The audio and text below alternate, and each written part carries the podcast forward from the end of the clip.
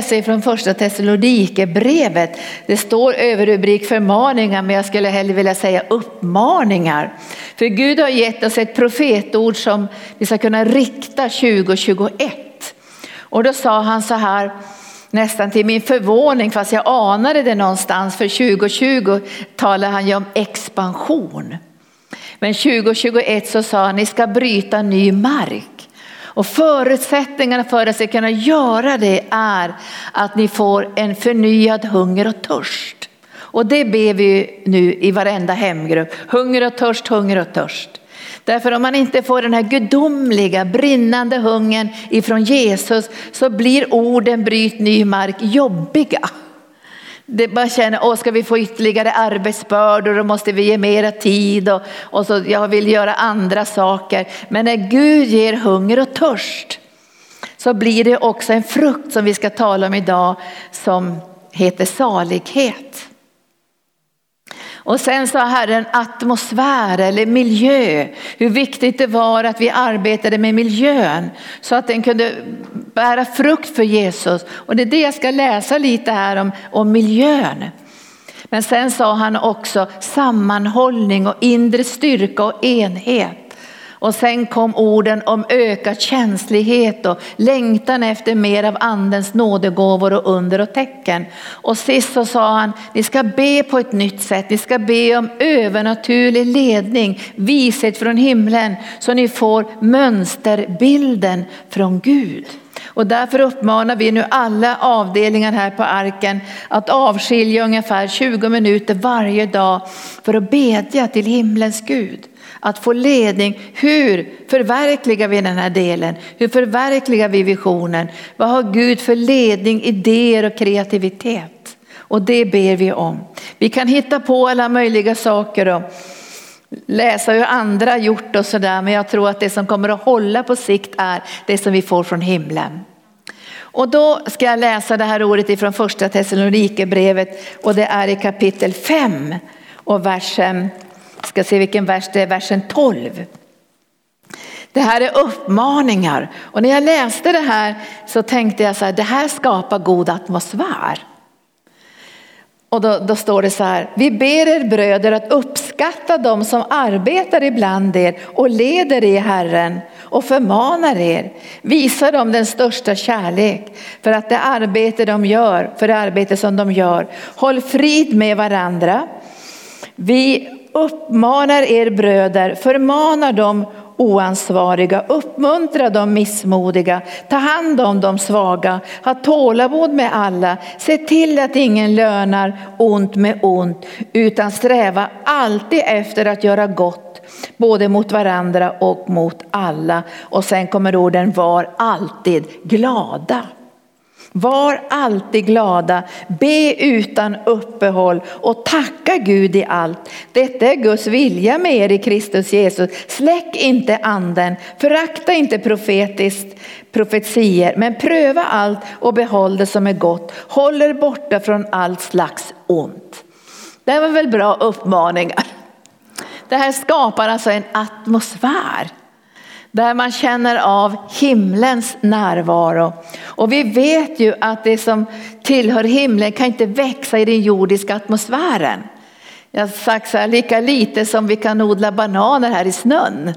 Utan vi måste få den himmelska atmosfären närvarande för att det som föds från himlen ska få möjligheter att rota sig, växa sig starkt och bära frukt. Och då säger Herren vid flera tillfällen, var alltid glada. Alltså det är en uppmaning. Och jag gick och tänkte i morse så här och frågade Herren, det är verkligen en radikal uppmaning. Och det står ju också i Filipperbrevet, gläd er i Herren och åter säger jag, gläd er i Herren. Var alltid glada. Och hur får man, hur kan man leva upp till den här uppmaningen? Jag tror att tacksägelsen öppnar upp för glädje. Tror ni inte det? När vi börjar ta tacka Herren för den han är och vad han har gjort så sätter det igång någonting i våra hjärtan. Alltså vi blir glada. Så vi kan göra oss själva glada genom att tacka. Var alltid glada. Han säger Och jag, det står i Filipperbrevet liksom ännu radikalare så säger han så här. Han säger gläd er alltid Herren. Än en gång säger jag gläd er. Och man kan läsa också i Hebreerbrevet 1 och 9 så står det att Jesus han var smord med glädjens olja mer än medbröderna. Så han hade glädjens olja. Så det finns en glädje som kommer genom den heliga ande och en glädje som kommer genom omständigheterna. Men jag tror att glädjen som kommer genom den heliga ande är starkare och härligare än den glädje som kommer ifrån världen. Jag läste på någon, om det var Facebook eller någonstans, det kanske var Expressen, att det var någon som hade vunnit 135 miljoner. Och man hör ibland om människor som blir väldigt rika och när man intervjuar dem efter några år så säger de det var ett jagande efter vind, det gjorde mig inte lyckligare.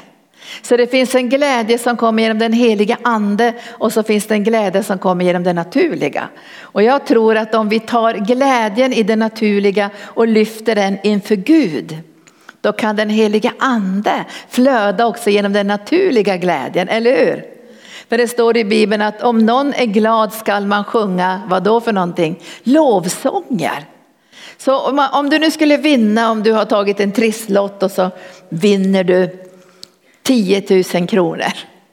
Då ska du tacka Herre och sjunga lovsånger. För då händer det någonting också bland de människor som finns omkring dig. De kommer att få tro på att Guds välsignelse också kan komma dem till del. Men det finns en glädje som kommer genom den hedliga ande och den behöver Guds folk och den behöver vi allihopa. För djävulen är ute efter glädjen. För Bibeln säger glädjen i Herren är vår styrka. Och utan glädjen så är det som att vi tappar kraft. Och man kan känna så jag måste vara glad, jag måste vara glad, jag måste vara glad. Men jag tror vi sätter igång den här glädjen med tacksägelsen. Vi tackar Herren att han får öppna våra ögon precis som Petrus sa, att vi får se de små sakerna, upptäcka vad gör Gud i våra liv varje dag. Så vi börjar tacka Herren. Vi tackar för försoningsgärningen, vi tackar för allt som han har gjort för oss. Vi tackar för Guds ordet och så händer det något i våra liv. Det kommer en glädje. Men det står i Hebreerbrevet kapitel 1 och vi ska titta på det att Jesus var smord med glädjens olja mer än medbröderna. Och och vad berodde det här på? Vi ska titta på det också, att det var någonting som fanns i hans liv som var väldigt speciellt. Som det står om Jesus i den nionde versen. Du älskar rättfärdighet men hatar orättfärdighet. Du älskar rättfärdighet men du hatar orättfärdighet. Därför Gud har din Gud smort dig med glädjens olja mer än dina medbröder. Och den här kontrasten mellan att älska rättfärdighet och hata orättfärdighet. Och jag tror vi behöver be till Gud om det här också, att älska rättfärdighet men hata orättfärdighet. Att, att vi sträcker oss och vill älska rättfärdighet och då har Gud gett det här löftet. Han ska smörja oss med glädjens olja. Och det här ska vi sätta tro till idag, att vi ska få del av glädjens olja, en helige andes smörjelse som kan göra att du och jag kan vara glada i en värld av sorg, bedrövelse, krig och, och ska säga, sjukdomar och nöd kan vi ha en smörjelse och en olja genom den heliga ande och kan visa prov på en annan glädje än den som bara beskriver omständigheterna. Det är en smörjelse från Gud och vi kan be att få del av den här smörjelsen. Och då ska vi titta på det som jag egentligen var huvudpredikan idag och det är från Matteus evangelium kapitel 3 om du vill slå upp det tillsammans med mig så skulle jag önska att vi läste Matteus evangelium kapitel 3 under den här veckan. Och det, det, handlar ju om den fantastiska undervisningen som Jesus har som, när han, som det beskrivs i Bibeln kallas saligprisningarna eller Jesu bergspredikan. Matteus evangelium kapitel 5, saligprisningarna. Man talar ju ofta om åtta saligprisningar men jag skulle vilja säga nio saligprisningar. Och salighet är ett starkare ord än glädje. Och jag tror att Gud önskar att vi ska få salighet. För det behöver bli skillnad mellan de som följer Jesus och de som inte följer Jesus. Det liv som vi har fått av nåd från Gud och det liv som människor inte har i den här världen när de inte har Jesus. Det måste bli en skillnad. Men också en skilja, skilja, skiljelinje mellan mörker och ljus. För församlingen är sanningens stödjepelare och grundfästa. Och då talar Jesus så i kapitel 5, i kapitel 5 och börjar med den tredje versen. Så talar han egentligen här om sig själv. Alltså Jesus är salig. Jesus är smord med glädjens olja. Jesus kunde bevara friden och fattningen fast han var utsatt för så många attacker, förföljelse och svårigheter. Så det här, det här i bergspredikan talar egentligen om så, så frukten av ett andligt liv som uttrycks i karaktär, i handling, i livsstil. Och han börjar säga så här, saliga är de fattiga i anden. Och jag tror inte att det bara är saliga är de fattiga i anden, du är salig för att du är fattig i anden. Utan vi måste läsa hela texten. Salig är du som är fattig i anden, för dig tillhör himmelriket. Alltså du får del i en källa av välsignelse som inte de får del i som inte är fattiga i anden. Så Jesus säger, jag är fattig i anden. Det finns ingenting i den här världen som kan möta de behov som jag har. Och det här ser vi ju också när Jesus utmanas av djävulen när han säger att du kan få allt det här.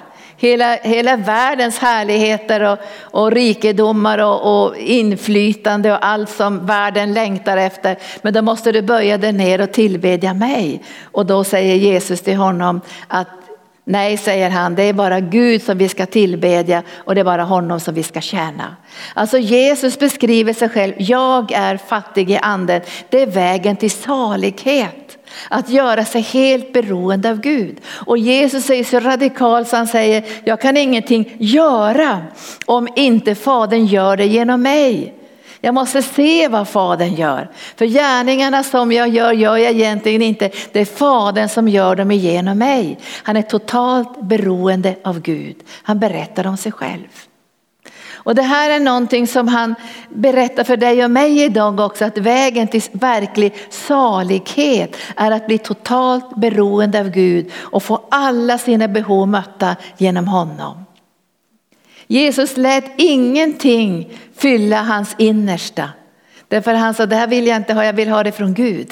Jag vill ha allting via den helige ande. Salig är de som är fattiga i anden, för de, för de kan få tillgång till hela himmelriket och allt som himmelriket har. Så egentligen skulle vi be, gör mig fattig i anden, jag vill vara fattig i anden.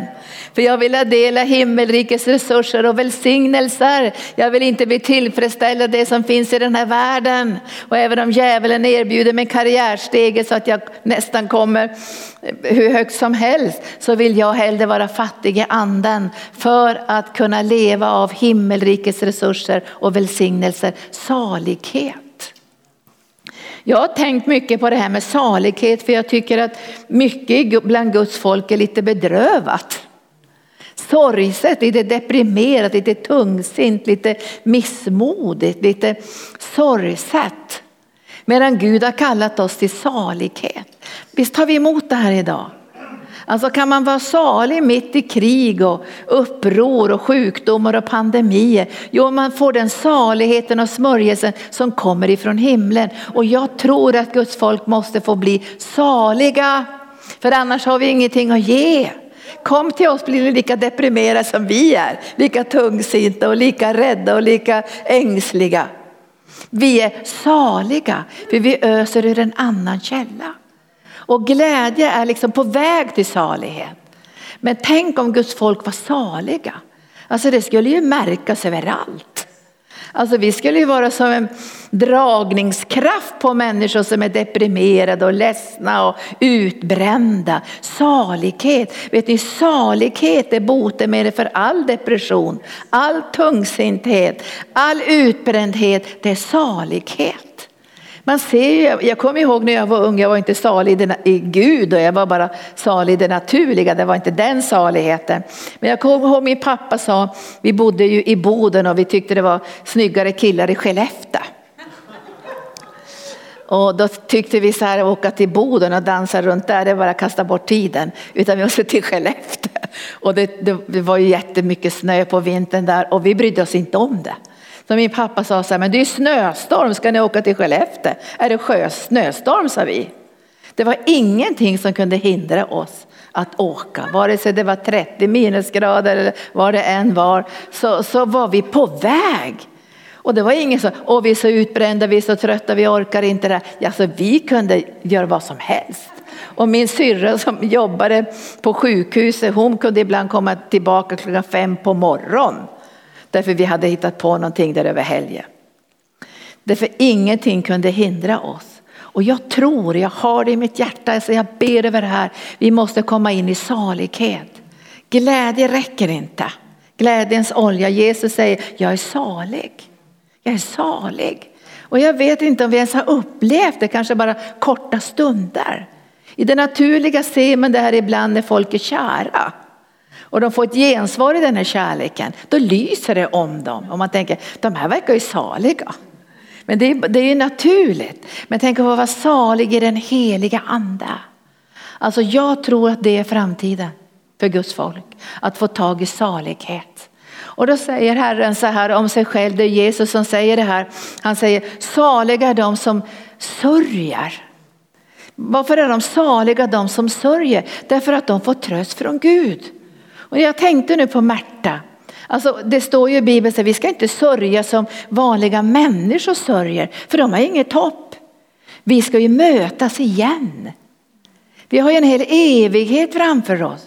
Så när vi sörjer över att människor är grymma mot djur eller människor grymma mot varandra eller vi har förlorat anhöriga så finns det en källa av övernaturlig tröst som för oss in i salighet där du och jag kan trösta andra. Och Paulus säger med den tröst som jag får kan jag trösta andra. Och då är det ingen bara världslig tröst vad det är synd om dig utan det är en tröst som kommer ifrån himlen som gör oss kreativa, som gör oss starka, som gör att du och jag kan uträtta någonting i den här världen. Det är en tröst som kommer ifrån Guds hjärta. Vi sitter inte bara hemma och ojar oss. Jag kommer ihåg när jag satt och ojade mig för många år sedan och sa åh det är så mycket okulta leksaker och det är okult i varenda leksakshandel och jag klagade som en surpuppa. Jag tyckte Gud mötte mig inte ens fast jag klagade. Jag sörjer ju Gud men utan salighet.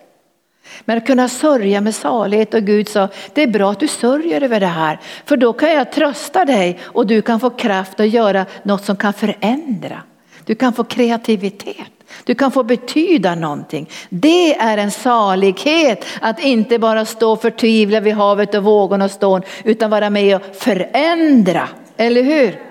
Vi behöver sörja och se. Och sörjer inte du, då är det något fel på det. Det är fel på mig om jag inte sörjer. För vi behöver sörja över kärlekslösheten när det gäller djurhållning, när det gäller människor, när det gäller abort och allt sånt där, hur vi behandlar människor. Men den sorgen är inte till döds. Den ger oss kraft i den heliga ande att vara med och förändra. Och då kan vi tänka, en församling som inte bara gnäller utan är fylld med tro och hopp att vi ska vara med och förändra. Vi ska bryta ny mark. Och när jag nu har suttit och tittat, vi ska ju fira 30-årsjubileum med Helande Löv, våran tidning så, så har jag suttit och tittat igenom nästan ja, i princip alla nummer genom åren. Och då såg jag där, när vi började och startade Helande Löv 1990, då skrev vi profetorden att vi ska vara med att verka fram och inspirera till kristna vårdalternativ. Att människor ska få hjälp på kristen grund i mötet med Jesus. Och då tänkte jag så här, det kan man inte bara säga, man måste ju kunna omsätta det. Och jag, jag satt och tackade Herren häromdagen och tänkte utan Helande Löv och utan den visionen hade inte Sjöhamra gård funnits. Då hade inte hälsolövet funnits. För det är en frukt av den sorg vi har haft i våra hjärtan. Att det har funnits så mycket österländsk andlighet. Både i skola, vård och omsorg. Och då kan vi inte bara sitta och slå mot det och säga det här är inte bra. Utan vi måste få en sorg i våra hjärtan som gör oss saliga. Vi kan vara med och förändra. Tack Jesus. Den saligheten måste Guds folk få. För det är jobbigt att vara bland kristna som bara klagar. Vi har salighet. Och jag tror att det är någonting som Gud vill göra i våra liv. Men vi måste börja med tacksägelse, komma in i glädjen, få del i glädjens olja och sen börja med portarna öppna sig för salighet. Och Jesus säger, saliga är de ödmjuka för de ska ärva jorden. Jesus talar egentligen om sig själv och säger jag är mild och ödmjuk i hjärtat. Det är han som har fått ärva jorden. Och vi är medarvingar tillsammans med Jesus. Och det står i Filipperbrevet att han ödmjukade sig och blev lydig intill döden på korset. Och jag tror att salighet har mycket med lydnad att göra. Jag märker ju när människor som har gensvarat och är trofasta till det som Gud har lagt i deras liv så blir det också en annan sorts glädje än den glädjen som finns i världen. Men Jesus talar här om salighet, att få tjäna Gud och få den här frukten av salighet istället för frukten av vad jobbigt det är. Vi pratade häromdagen, jag och en av mina medarbetare, om vad jobbigt det kan vara när man har förberett sig mycket och satsat mycket och så tänker man nu kommer alla och så kommer nästan ingen. Eller ni vet Märta som satt i köket där och vredgades över att, att de, de inte att inte Maria kom och hjälpte henne och så kände hon en sån, en sån sorg men den sorgen blev inte kreativ, den blev knotande, fylld med vrede. Och jag, jag, kommer ihåg en gång för många år sedan så hade vi bjudit in en jätteduktig läkare från Malaysia. Vi skulle ha en sjukvårdskonferens och han, stannade kvar några dagar och vi skulle ha något seminarium. Och jag hade tänkt så här, ropa till Gud, det kommer att komma säkert flera, flera hundra och de får möta en fantastisk ledare. Och så kommer jag ihåg att jag skämdes så fruktansvärt när det kom bara tio personer. Jag tänkte gode Gud, det måste komma fler, det måste komma fler och jag kände att det var så jobbigt. Och jag tappade all glädje på insidan. Och jag tror att vi kan tappa glädje om vi inte går den vägen som Jesus gick med ödmjukhet. Därför han lät inte omständigheterna, om det kom jättemycket folk eller om det kom lite folk, han bara fortsatte att tjäna Gud. Och vid ett tillfälle står det ju att Jesus, han, han säger till lärjungarna, ska ni också gå? För nästan alla gick därför att de tyckte det var för tuff undervisning och så säger han, tänker ni gå också? Men han ändrade inte ett ögonblick den väg som Gud hade kallat honom till. Och jag tror att det öppnar upp för salighet. Jag tror på salighet. Ibland går det upp och ibland går det ner och ibland tycker man att det är lätt och ibland tycker man att det är svårt. Men Jesus, saliga är de ödmjuka för de ska ärva jorden. Och vi har ett helt annat hopp i våra hjärtan än en, liksom en kort framgångssaga här på jorden. Utan vi ska vara med i någonting helt annat när tiden kommer. Och därför får vi vara försiktiga i det här. Att vi börjar titta på omständigheterna. Och kommer det mycket folk? Kommer det lite folk? Är det framgång? Är det mycket under och tecken? Jag tror att då blir, då blir glädjen väldigt berg och dalbana.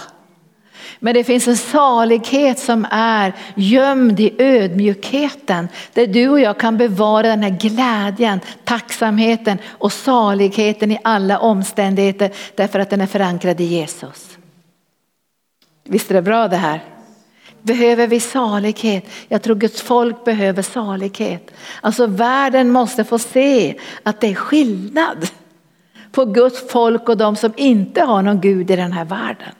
Men jag märker ju också att djävulen attackerar på olika sätt och Jesus attackerar han ju också. Att han skulle inte gå ödmjukhetens väg utan han skulle välja en lättare väg för sitt liv. Han blev utmanad till och med av sin närmaste medarbetare. Nej Jesus du ska inte gå på den här vägen. Så gång på gång blev han som störd i sin kallelse och överlåtelse och till och med i Getsemane så får han en sån frestelse plågsam frestelse där han säger till Gud, är det möjligt Gud att frälsning kan nå människor på någon annan väg än att jag måste lida döden på korset? Så säger han, men Gud jag vet ju att det här är din vilja och ske din vilja. Och så lägger han ner sitt eget. Och han fick ärva jorden. Och jag tror, jag har läst också i uppenbarelseboken om det som ska komma när den här tidsåldern har gått mot sitt slut. När det kommer att bli ny himmel och ny jord där rättfärdighet ska råda. Och den plats som du kommer att få. Och det inflytande du kommer att få. Och den välsignelse du kommer att få i den nya världen. Sen säger Herren också till oss i, i saligprisningarna, saliga är de som hungrar och törstar efter rättfärdighet, för de ska bli mättade. Och det finns en mättnad som bär salighet med sig, en mättnad som kommer genom den heliga ande. Därför annars kan vi bli som svarta hål på insidan.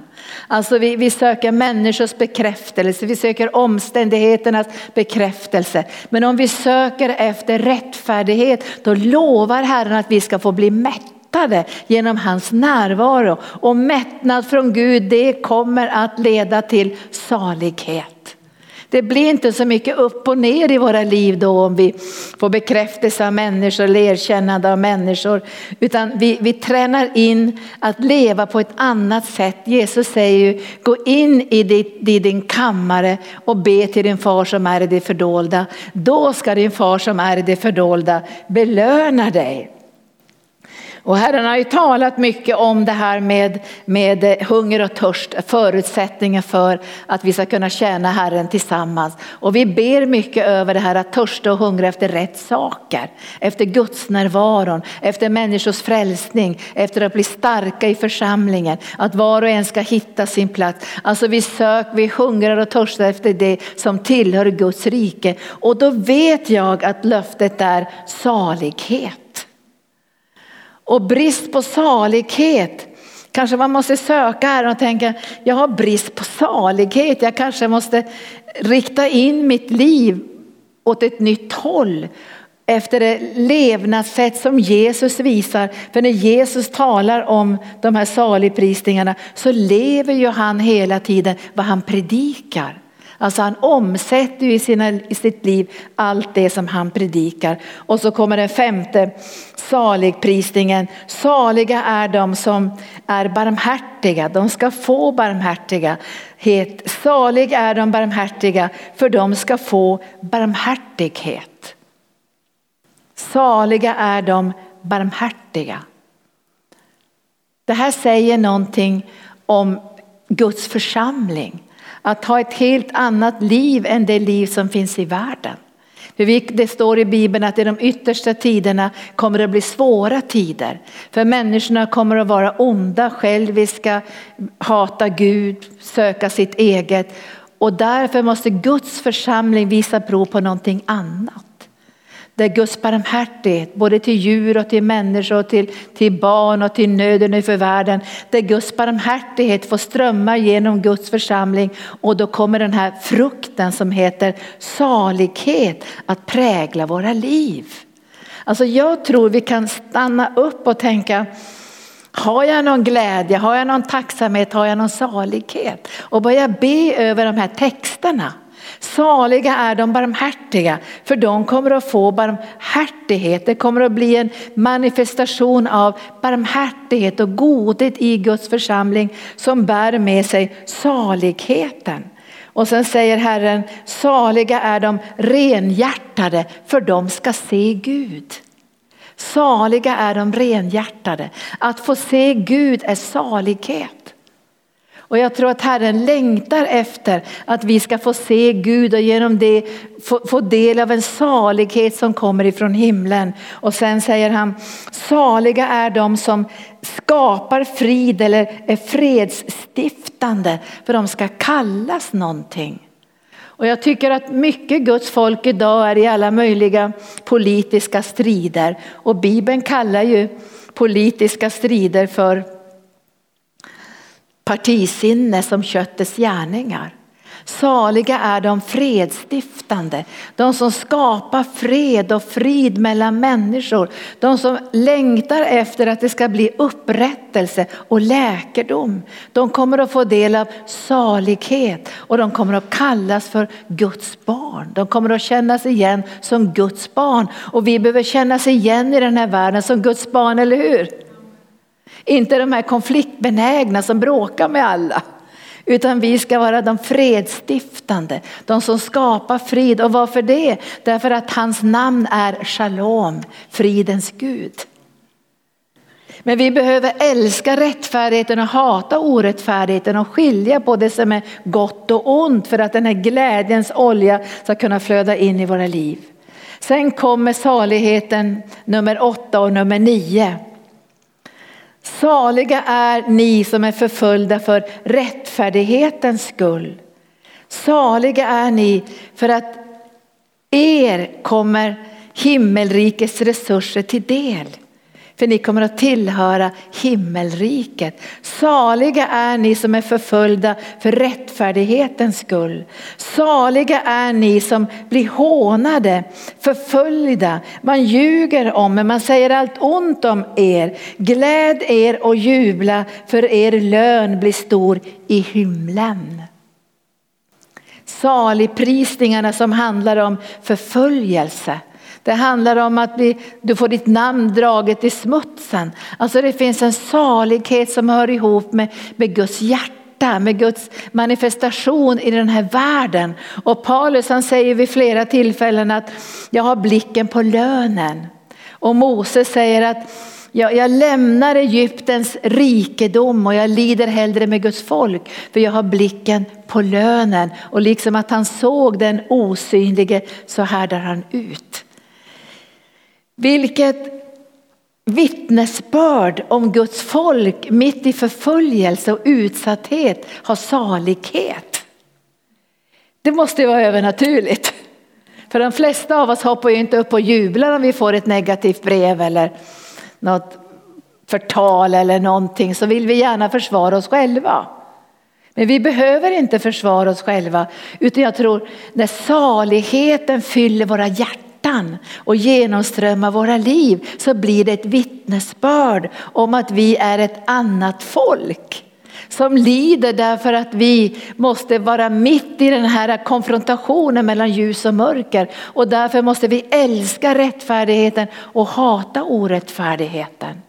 För att den här saligheten ska kunna bryta fram. Och vi måste också veta när vi låter saligheten fylla oss att vi strider inte mot kött och blod.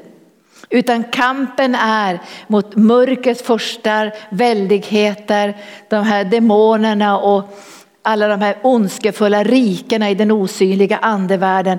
Men vi står på Guds sida för att alla människor ska få möjlighet att bli frälsta. Därför kan vi visa prov på salighet och glädje mitt under förföljelse. Men han börjar inte med den saligprisningen. Glädjer om de blir förföljda, den kommer på slutet. Men, men om vi börjar tänka så här, att vara fattig i anden, att få sörja och bli tröstad av Gud, att få hungra och törsta efter rättfärdighet, att vara barmhärtig och få barmhärtighet, att få se Gud, att vara med och skapa frid och föra in frid där det är konflikter och mörker.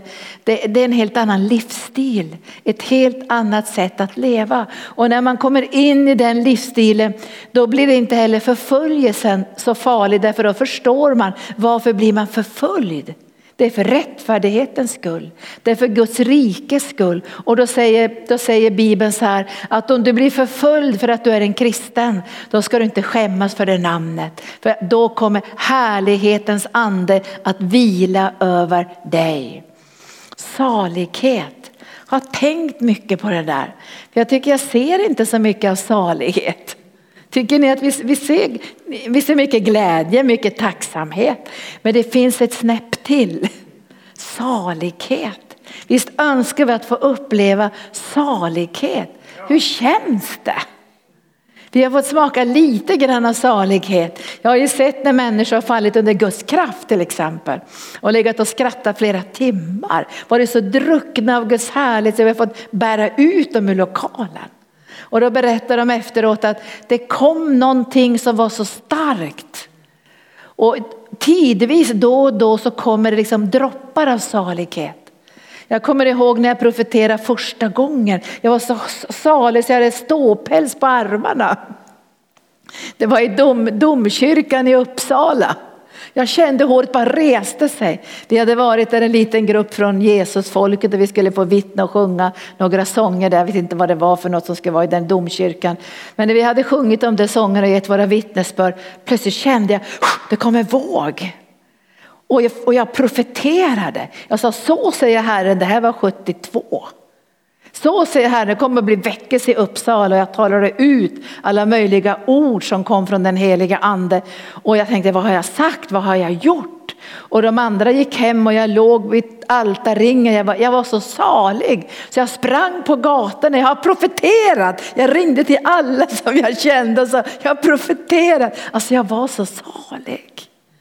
Och jag tänkte efter och sen när åren gick, jag vill bevara den här saligheten att få bli använd av Gud. Den saligheten kan den heliga ande väcka till liv igen.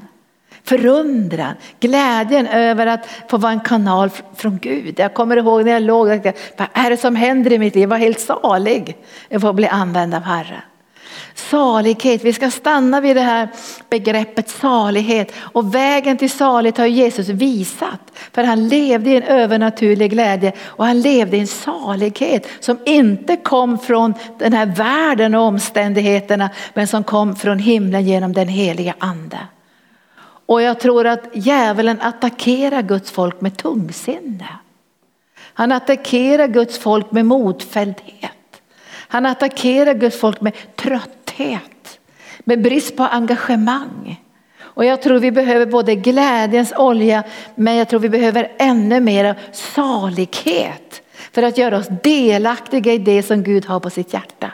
Och inte bara i det här kortsiktiga världsliga perspektivet utan i det som ska komma sen. Saliga de ödmjuka, de ska ärva jorden. Saliga är ni som kommer att få lön i himlen. En, en lön som ligger på ett helt annat plan. Alltså en salighet och härlighet som väntar på oss i evigheten. Och jag tror det ger oss motivation också att vara med och bygga Guds rike med uthållighet. Och utan glädje och salighet så blir det tungt. Det blir tungt. Och vi ska inte bära tunga bördor säger Jesus utan vi ska, hans börda är lätt och hans ok är mild. Så låt de här salighetsproklamationerna fylla ditt hjärta den här veckan. Titta på dem, be över dem och, och så säger du, det här är kopplat till salighet är de som är fattiga i anden. Saliga är de som är sörjande på rätt sätt. Saliga är de som hungrar och törstar. Och då kan man ju känna så här, men jag, jag behöver nog mera salighet. Och då får man be till Gud, ge mig törsten efter det här också. Ge mig längtan efter att få se dig Gud. Ge mig längtan efter att vara en fredsstiftare, att få vara med och förändra och skapa en atmosfär där alla konflikter och allt mörker får vika undan för Guds härlighet och Guds kärlek. Men jag tror att om Guds församling börjar jubla och ha salighet i sina möten och i lovsången och i bönen och allt det här. Då kommer det att bli en dragningskraft i den heliga ande. Eller hur? Tack Jesus. Så nu får ni komma upp lovsångare. Så jag tackar dig nu för de här nio saligprisningarna. Att du levde det här livet Jesus och visar att det går att leva i salighet och övernaturlig glädje i en sönderfallande värld där det finns både mörker och sjukdom och nöd av olika slag. Och jag ber för oss i arken Herre men också för församlingar utöver världen som har tappat glädjen, tappat styrkan. Där det finns mycket missmod och trötthet och uppgivenhet. Där, där det blir svårt att sätta igång saker, svårt att röja mark för det finns så mycket hinder i vägen. Men jag vet vet Herre att du har kallat oss till salighet, till överflödande glädje, till en dimension som vi ännu kanske inte har känt så ofta eller känt till fullo. Men som gör att ingenting kan stoppa oss, den himmelska saligheten. Så kom heliga ande och för oss till en plats där vi får en erfarenhet av det liv som du levde Jesus. Där saligheten strömmade genom dig. Där du jublade och fröjdade dig mitt i svåra omständigheter. Där du ödmjukade dig och var lydig intill döden på korset. Där du tröstades av Gud på ett sätt som var så starkt så att du lät ingenting hindra dig att gå lydnadens väg till fullo för att ge ditt liv på korset. Och jag ber dig heliga ande för alla trötta pastorer och ledare, alla som känner sig uppgivna och har tappat glädjen och styrkan. Jag ber dig heliga att du väcker i våra liv en längtan och en visshet att det finns någonting som kommer från himlen som heter salighet. Salighet.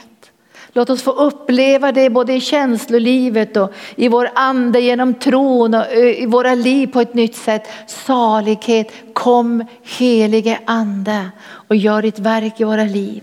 Gör ditt verk i våra liv den här dagen. Kom heliga ande, kom heliga ande. Tack Jesus. Och vi prisar dig, vi prisar dig, vi prisar dig. Åh, vi är så tacksamma Jesus. Tack för att du för oss till salighetsplatsen. Kom heliga ande, kom heliga ande, kom heliga ande. Åh, vi är så tacksamma Jesus.